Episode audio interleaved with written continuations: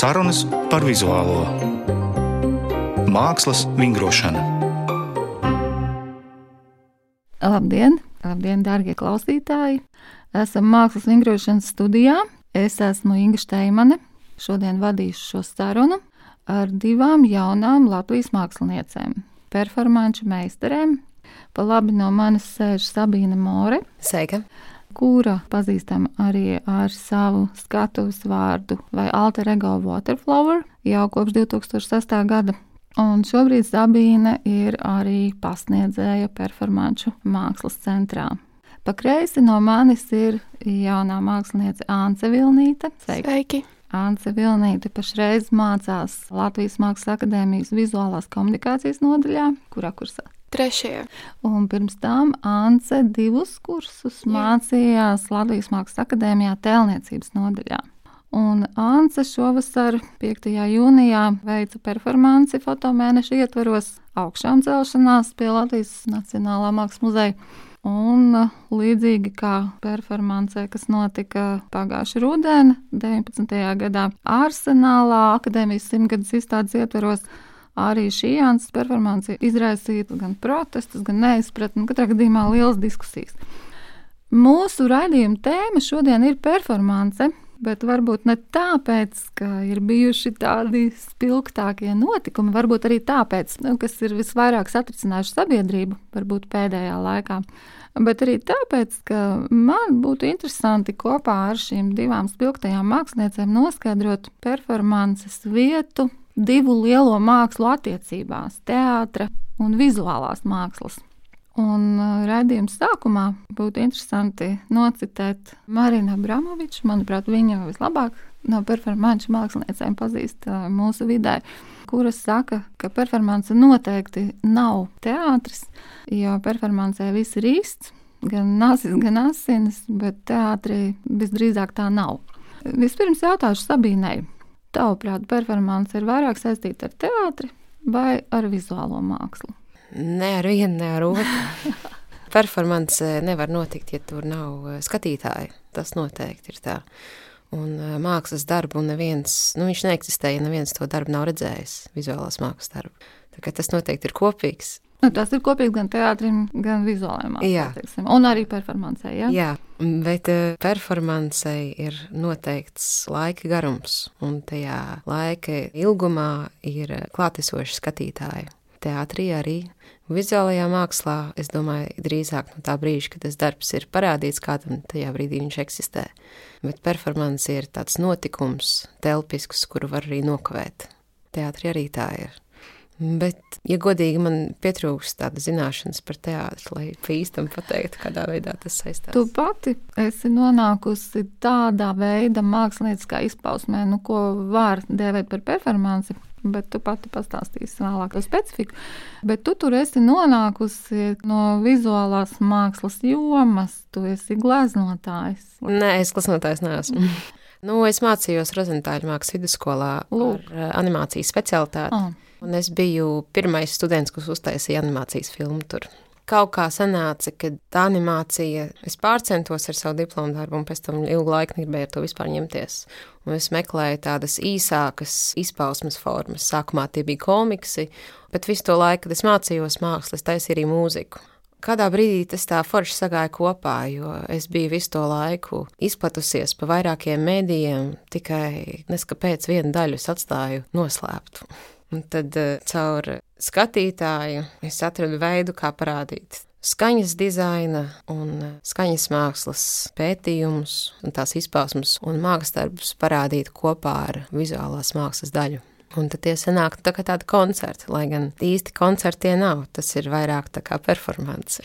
Jā, nu tā es tevi arī esmu iepazinusi, un es saprotu, ka 22. septembrī tu prezentēji savu jaunāko albumu. Kādā formā tas ir? Tas ir arī audiovizuāls, vai tas tomēr ir tikai ar skaņu? Man patika, kad viens recenzents atnāca un viņš teica to, ka daudz labāk un interesantāk ir dzīvē to redzēt. Mm -hmm. Un, lai gan tā skaitās elektroniskā mūzika un avantu pops, bet to pieredzēt dzīvajā nozīmē redzēt to visu vizuālo sastāvdaļu, kur ir šausmīgi svarīgi. Bet nu, tuvākais tam ir video. Bet kādi ir tie materiāli, ar kuriem tu strādā, vai tie iedvesmas avoti, veidojot konkrēti šo balta gaismu, tātad jaunākais albums? Un ko tu stādi par mērķi, kas tev jāizdara tieši tajā performances aspektā? Tas albums, tās dziesmas lielākoties tapu pēdējo piecu gadu laikā, kad es turēju pa Eiropu, 15 valstīs kopā mm. es biju. Un tad es tā kā performēju tiem cilvēkiem un rādīju arī nepabeigtas dziesmu versijas, un tad es viņas apkopoju tajā albumā, pabeigts. Un ar ko tas tavuprāt atšķiras no klasiskas performances, ko mēs esam pieraduši vērot muzejā? Lai būtu skatuvi, ir jābūt arī scēnai un tāda eksperimentālās mūzikas scēna man pamanīja. Jo es jau to darīju savā nodabā. Bet viena lieta, ko gan es esmu sapratusi, kad ar to mūziku es vēlos izaicināt klausītāju.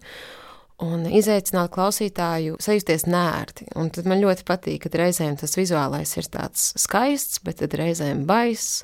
Un eh, tā skaņa reizēm skaista, Nērti. reizēm nesaprotama. Nērti no kā, par ko? Tas ir tas, ko es gribu, lai tas skatītājs dara vai klausītājs. Uzdod sev jautājums, kāpēc tas cilvēks jūtās nērti tajā dualitātes klātbūtnē. Nu, man liekas, caur šo nērtumu aspektu mēs ļoti jauki varam pievērsties dansai. Man šķiet, ka daudzos komentāros, kas ir veltīti tavām performancēm, dominē, kā tev nav kauna, ko tu dari un kā tu vari vari atļauties, teiksim, skūpstīties publiski ar kolēģi vai notriepties ar asinīm. Var sakot, veikt šīs konkrētās darbības, kas cilvēkos acīm redzot izsāc tādu ētisku vai estētisku protestu tieši uzvedības ziņā. Ance, kā tu nonāci līdz performancei, būdama tēlniece, Es jau arī studēju tēlniecības katedrā. Ļoti aizrautīgi glāznojumi, arī ir darbi, kas ir vairāk ar foto vai video. Līdz ar to katram darbam ir sava valoda, un tā performance ir vienkārši cita valoda. Un tie stāsti un tie notikumi, es nevaru to, ko es gribu pateikt, ir performanci, parādīt skulptūrā, piemēram. Un man vēl šķiet svarīgi pieminēt, man pa vidu starp to arsenālu un vasaru, man Vanstrīska vilā bija viena performance, kas man pašai likās izaicinošākā no visām, jo es apaļīga meitene ēdu kūku, kaili gan arī vai ļoti glaunas, jauks publikas priekšā un fonā skanēja no 200 sieviešu komentāriem apvainojumi par manu izskatu, kas ir izdzīves. Kāpēc to pieminēju? Tas ir kaut kas tāds, ko nevaru. Es varu uztaisīt fotosēriju par puncīšiem, bet tad, kad tas mākslinieks ir klāt, ka tā ir viņa klātbūtne, Man liekas, tas ir kaut kas ļoti.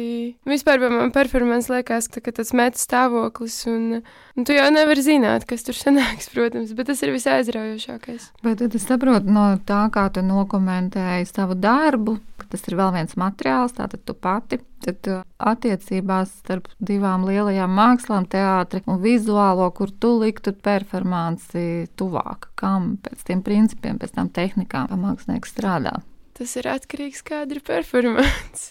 Man liekas, problēma ar performance ir, ka ļoti daudziem cilvēkiem tā asociējas ar kaila ķermeņa, ar krāsām un kaut kas tam līdzīgs. Nu, tur kaut kāda mūzika un tā. Tāpēc, ka ir mākslas darbi, ļoti dažādi. Nu, ļoti maz ir tie, kurus tev nostrādā. Arī mm. performance, man liekas, labi, mēs visi zinām, tur Marina Brumoviča, bet tā ir uh, milzīga prasme, bet tā ir arī veiksme. Jo performancē tu nezini, kā tas viss saliksies kopā, un vai tur būs tas mētas stāvoklis vai arī nē. Man liekas, ka ir performance, kas ir teātris. Vairāk iestudētas. Iestudētas, nu, un tad ir performance, kuras ir māksla un ir tāds, kurš ir pārākas par visām citām vizuālās mākslas formām. Tātad uzskata, ka performancē ir vairāk iespēju un tieši kādā aspektā? Tajā mākslinieka klātbūtnes, bet tajā mm -hmm. īstenības momentā. Mm -hmm. Jo tur viss ir pa īstam, viss ir dzīves, un ja to var noķert, tad tas ir kaut kas. Tas ir pilnīgi citādāk. Tu ej muzejā, tu redzi gleznu, ir bijis ļoti prasmīgs mākslinieks. Viņi kaut ko ar tevi izdara, bet, nu jā, Šajā brīdī mēs varam atgādināt klausītājiem, ka raidījumu mākslas vingrošanu varat klausīties arī savā podkāstu aplikācijā, bet mēs turpināsim apspriest šo no vienas puses ļoti vieglu tēmu, ja, jo kas var būt vizuāli vislabāk uztverams kā performance, ja jau ir konkrēta persona, ko mēs turpat varam identificēt. Un tad ir kaut kādas darbības, un nav pārāk apjomīgs tas laiks. Bet no otras puses, manuprāt, ir tā netvaramība. Un tad es jautāšu tev, Sabīne, kā pasniedzējai, kura mācīs, saprotu, jauniem māksliniekiem performanci. Kas ir tas, bez kā performance nevar notikt? Kas tev šķiet vissvarīgākais, kas ir jāiemācās? Tajā performāņu mākslas centrā ir mm -hmm. četras pasniedzējas, un mēs katra esam iedalīti savā lauciņā. Un, um, Man tur ir iedalīts skaņas, video, multimediju lauciņš.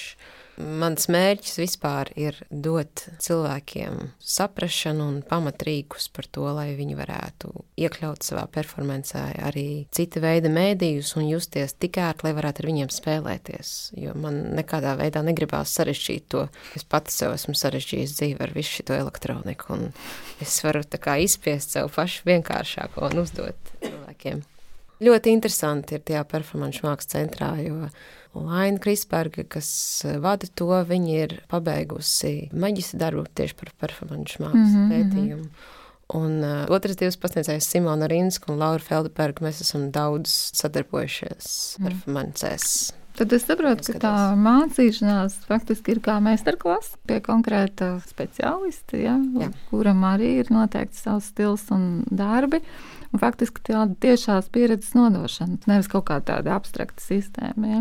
Padalieties, lūdzu, katra ar spilgtāko pieredzi, jo gan Sabīna, gan arī tu, Anse, jūs teicāt, ka uh, faktiski šī nērtības sajūtas vai šī patiesuma kulminēšana ir ļoti svarīga, kad jūs veidojat šo darbu.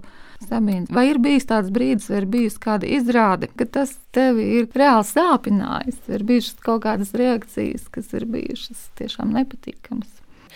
Man ir bijis tik ļoti grūti sadarboties ar dažādiem skaņotājiem. Tieši dēļ savas sievišķā dzimuma man ir tik daudz reizes prasīts, vai tu zini, ka šitais vadīšs ir un kur viņu sprauž, un mēģināt iejaukties visā tajā manā etapā, kur katrs setups ir ļoti specifisks, un jo sevišķi tā kā es to būvēju, nu, tur tam cilvēkam būtu jāiebrauc un jātestē. Un viņš ar savu to profesionālo pārākumu mēģina tev pat palīdzēt savā ziņā.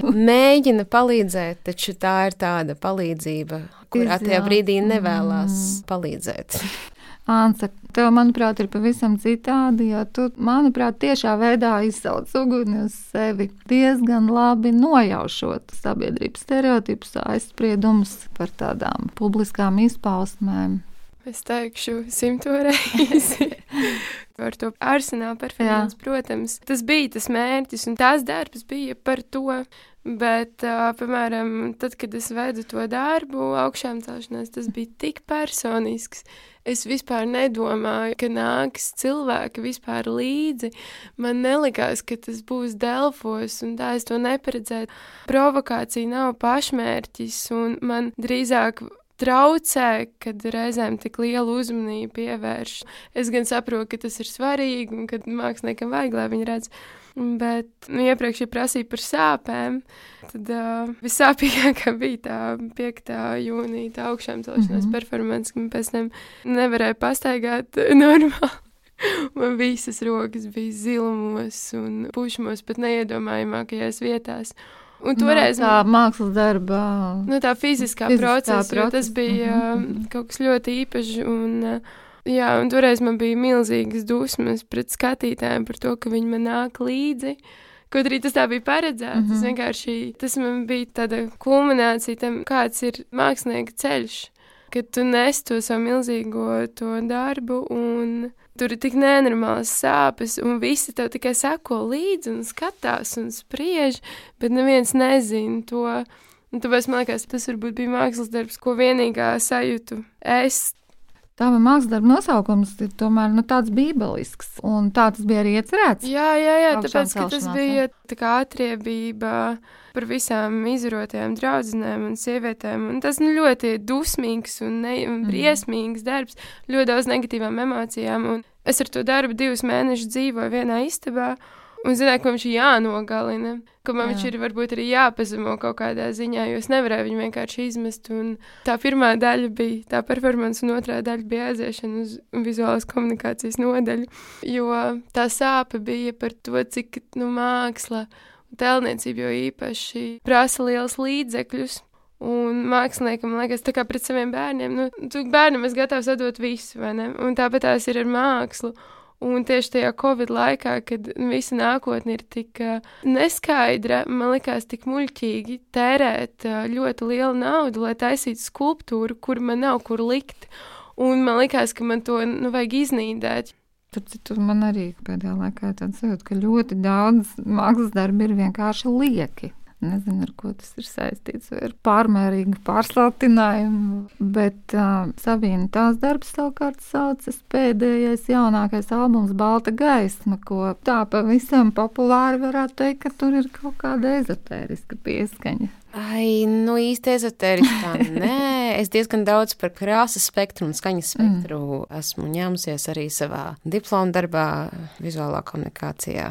Maģistra. Jā, un tev 2016. gadā bija tāda zīmīga performance, krāsaina skaņa Salaspils botāniskajā dārzā. Mm -hmm. Un pirms tam bija arī trīs pamatkrāsas Nacionālā bibliotēkā izstādes slediņš starp to un kaut ko citu ietveros. Tā kā es par tām krāsām un gaismām diezgan daudz esmu spēlējusies, un Baltijā gaisma sevi ietver visas krāsas pirmkārt. Tad jau tīrā fizika. Jā, nē, es, man ļoti patīk. Tad abstraktāki koncepti, jā? Jā.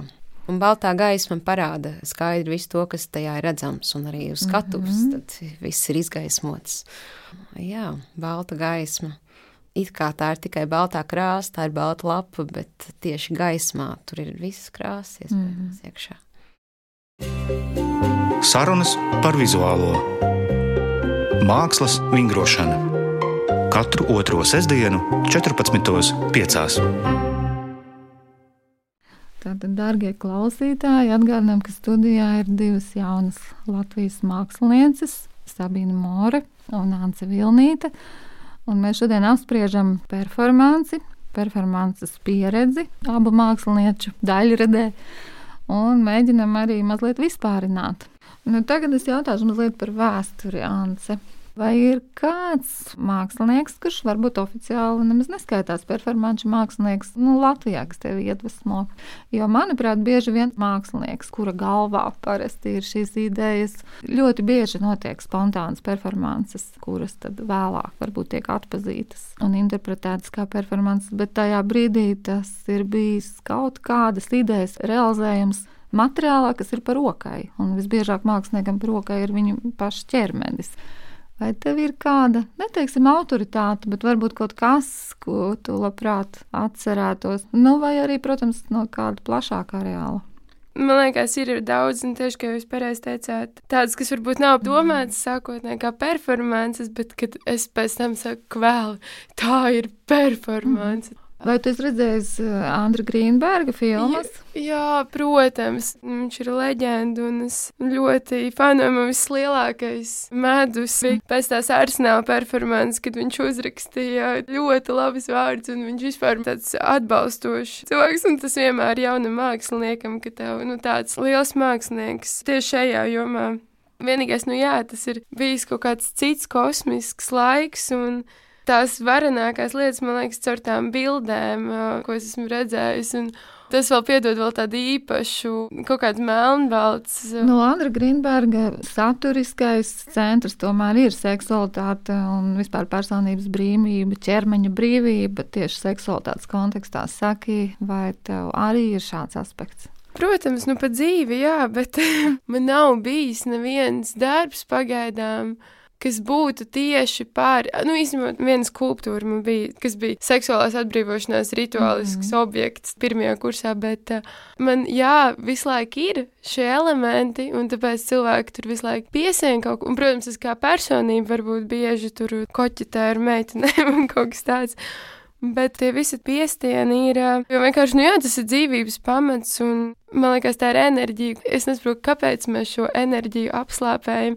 Ja šī ir tā enerģija, kas ir dzīvot, spāršas griba, bet arī cilvēks turpinājums. Kāpēc apspiest seksualitāti, ja bez tās mums nebūs bērni mazbērni? Mm. Sabīna, manuprāt, viens no tuvākajiem kontekstiem, tāds vēsturiskais stāvē darbībai varētu būt Hardijs Lediņš un uh, NSRD grupa. Tas ir diezgan nejauši. Mēs abi nākam no Latvijas. Bet, nu, tomēr Hardijs jau arī savulaik, manuprāt, ļoti netipisks, un uh, tu savam laikam arī tomēr esi netipiska ar tādu multimedialitāti. Nu, jā, nu, kad man bija 15 gadi, un kad es arī sāku savu mūziku čakrēt, pišķīt, tad arī es zināju, ka ir tāds NSRD. Es kaut kādu animāciju mēģināju uztaisīt zūzā tītī priekš mm. sevis. Un es apzinājos mūzikas scēnas, eksperimentālas mūzikas scēnas, zināju arī, kas ir asociāciju sektors. Man ļoti tas interesēja. Bet tā citādi vēsturiski kaut kā vienkārši daru, daru, daru, daru. Beigās kaut kas sanāk, un tad tāds, nu jā, laikam tas ir jāparāda cilvēkiem. Nezinu. Kā tu saredzi vispār performances kā novirziena, vai vispār vērts ir to uztvert par novirzienu, vai vienkārši tas ir vēl viens mākslas materiāls? Tiklīdz es mazliet ilgāk padomāju par performanci, man liekas, ka tā tas ir, ka tas ir vienkārši vēl viens mākslas materiāls. Šajā gadījumā vai nu autors pats, vai kādi citi ķermeņi, kāda cita psihe, vai kāds cits bioloģisks materiāls.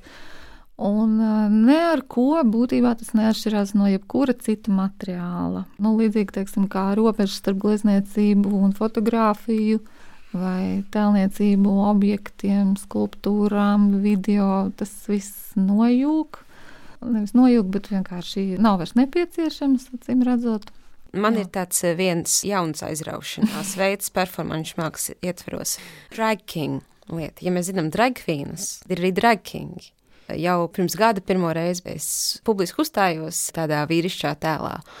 Un es īstenībā esmu ārkārtīgi priecīga par to. Man liekas, ka tā ir performance, kurā vairāk kā 24 stundas iepriekš vienkārši nevar nosēdēt mierīgi. Man viss tik ļoti patīk. Nu, tas ir kaut kas ļoti jauns, un es sev joprojām uzdodu jautājumus, kāpēc man tas ļoti patīk, kāpēc es to daru. Man ir absolūti skaidrs, man, nu, man kāpēc? es labi jūtos tajā savā tēlā, un es ar to tēlu varu izmēģināt visu kaut ko Pirmkārt, kas man nepatīk cilvēkos, es ielieku šajā tēlā iekšā, jo mans tēls Bils Lagūns ir tāds uzņēmējs, biznesmenis, bet nav īsti skaidrs, ko viņš dara. Bet viņš ir vīrietis. Viņš ir vīrietis. Bet cik forši, tu nevis kā sieviete realizē šo negatīvo programmu, bet pārliec. Bet vīrietis, tēls ir tik ļoti pašpārliecināts mm -hmm. un attraktīvs. Viņš negatavojās nekām, viņš vienkārši ir. Un tas ir tāds pretstats manam Waterflower alter ego tēlam. Principā viņi ir tā kā pilnīgi pretpoli.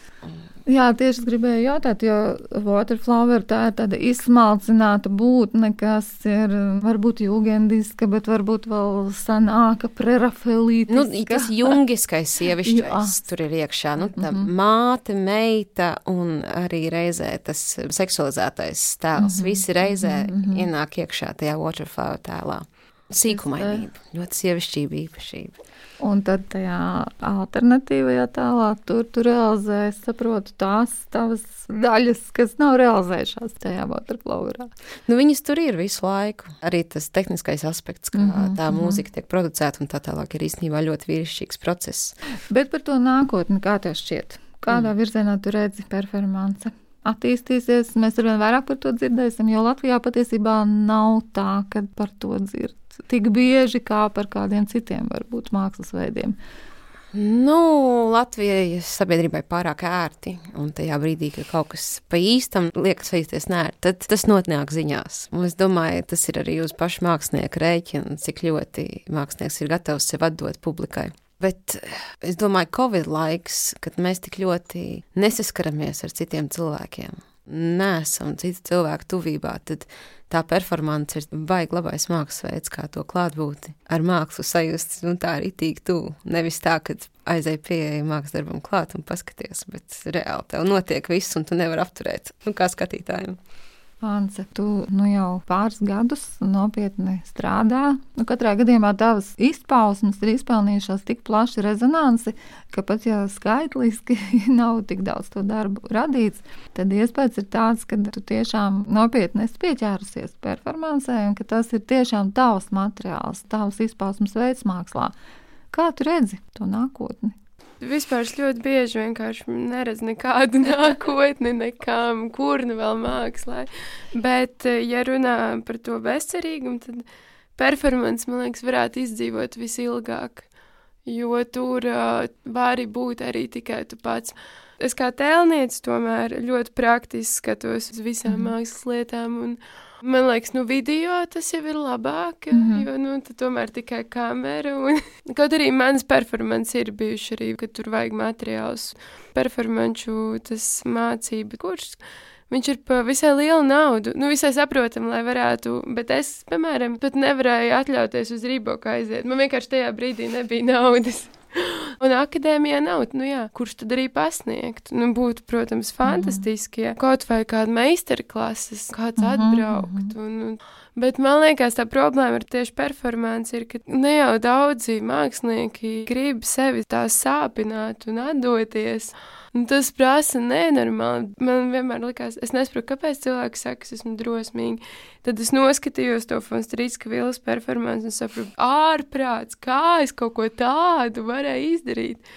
Saki, vai varētu līdzēt tādas tehnikas, ar ko strādā teiksim, aktieri. Viņi lieto tehnikas, lai ar savu ķermeni labāk rīkotos ar savu psihi, lai tas nebūtu tiešām reāli saplosīšanai.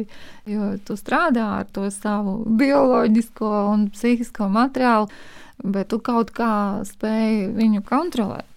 Man liekas, lai taisītu labu performanci, vajag labi piedzīvot dzīvi. Garīgais tomēr ir svarīgākais ja mēs trenētos kā aktieri, tur jau liekas, ka tā nav loma, tur vajag vienkārši meditēt. Jo es par katru darbu konstanti domāju, kristalizēju, tur vajag skriet, mm -hmm. peldēt un domāt. Mm. Bet arī ķermenis jātur tādā kārtībā, lai viņš iztur. Nu, lai nepaliek, piemēram, no nu, sirds slikti. Nē, nu, protams, nē, starp citu, man tajā augšām celšanās performancē, man tiešām likās, ka es noģīpšu, un tad, kad mēs mhm, nonācām mhm. pie muzeja, vienīgais man tur uzticības bija Ārnis, kurš filmēja filmēja.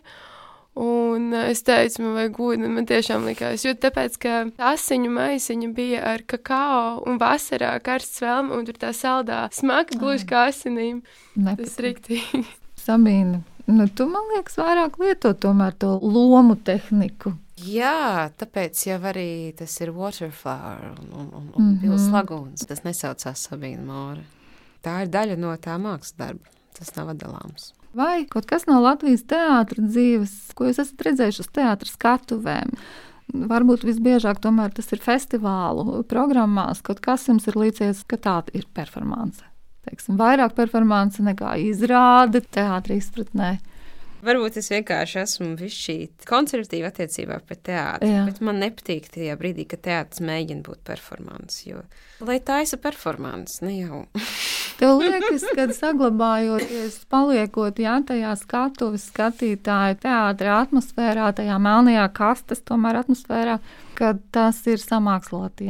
Kas tieši jā, tur pietrūkst? Tāpēc, kad aktieri man jā, jā. liekas, ka bieži vien aktieri vairs nemaz nevar izlikt sevi tādā performanču mākslas veidā. Viņiem ir uh, profesionāla meistarība, perfekti, jā, tas jā. amatnieciskais, un viņi to izmanto. Es domāju, būt par aktieri ir ļoti grūti, un jā. tas prasa mm -hmm. ļoti lielu meistarību. Mm -hmm. Bet uh, tad, kad nes performanci ar savu vārdu vai pat savu mm -hmm. alter ego virsū, tas viss ir vērsts pret tevi. Jebkas, kas neizdodas, ir tava vaina, nevis režisora vaina.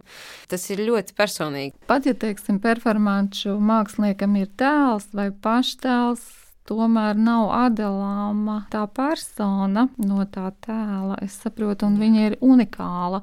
Tu nevari rītvakar iet spēlēt citu tēlu komēdijā, ja, un pēc tam filmēties seriālā. Nu, teiksim, ne tajā aspektā, kā tu veido performanci. Jā. Ir bijušas tādas dienas, ka vienā dienā esmu Waterfall, nākamajā dienā esmu Bils Lagūns, bet vienā dienā es nevarētu būt abi divi. Tas būtu pārāk traki. Anta, kā tev šķiet? kad man bija 16, 17 gadus, un kad varēja nopirkt arī uz jauno Rīgas teātra biļetes pa 5 eiro, un uz nacionālā pa 3 pašā augšā. Es gāju uz teātri 3-4 reizes nedēļā. Ļoti, ļoti bieži man ļoti mīlēju. Taču kopš es esmu students, un arī sākot jau no vidusskolas pēdējiem kursiem, es nevaru atļauties aiziet uz teātri vienkārši finansiāli. Un, man liekas, mūsdienās uz to teātru, kur gribētos aiziet, tā ir uh, milzīga ekstra. Līdz ar to es zinu, kas mm. notiek, bet uh, nu, vienkārši tas nav šai sabiedrības daļai. Lielas paldies jums abām par sarunu! Tātad Sabīna More, Ānce Vilnīte, novēlu jums vislabākos panākumus un pilnīgi esmu pārliecināta, ka dzirdēsim par jums ļoti drīz. Paldies arī no manis, no Ingas Štēmanas klausītājiem un uz sadzirdēšanos. Visu labu! Tā. Raidījums tapis ar valsts kultūra kapitāla fonda atbalstu.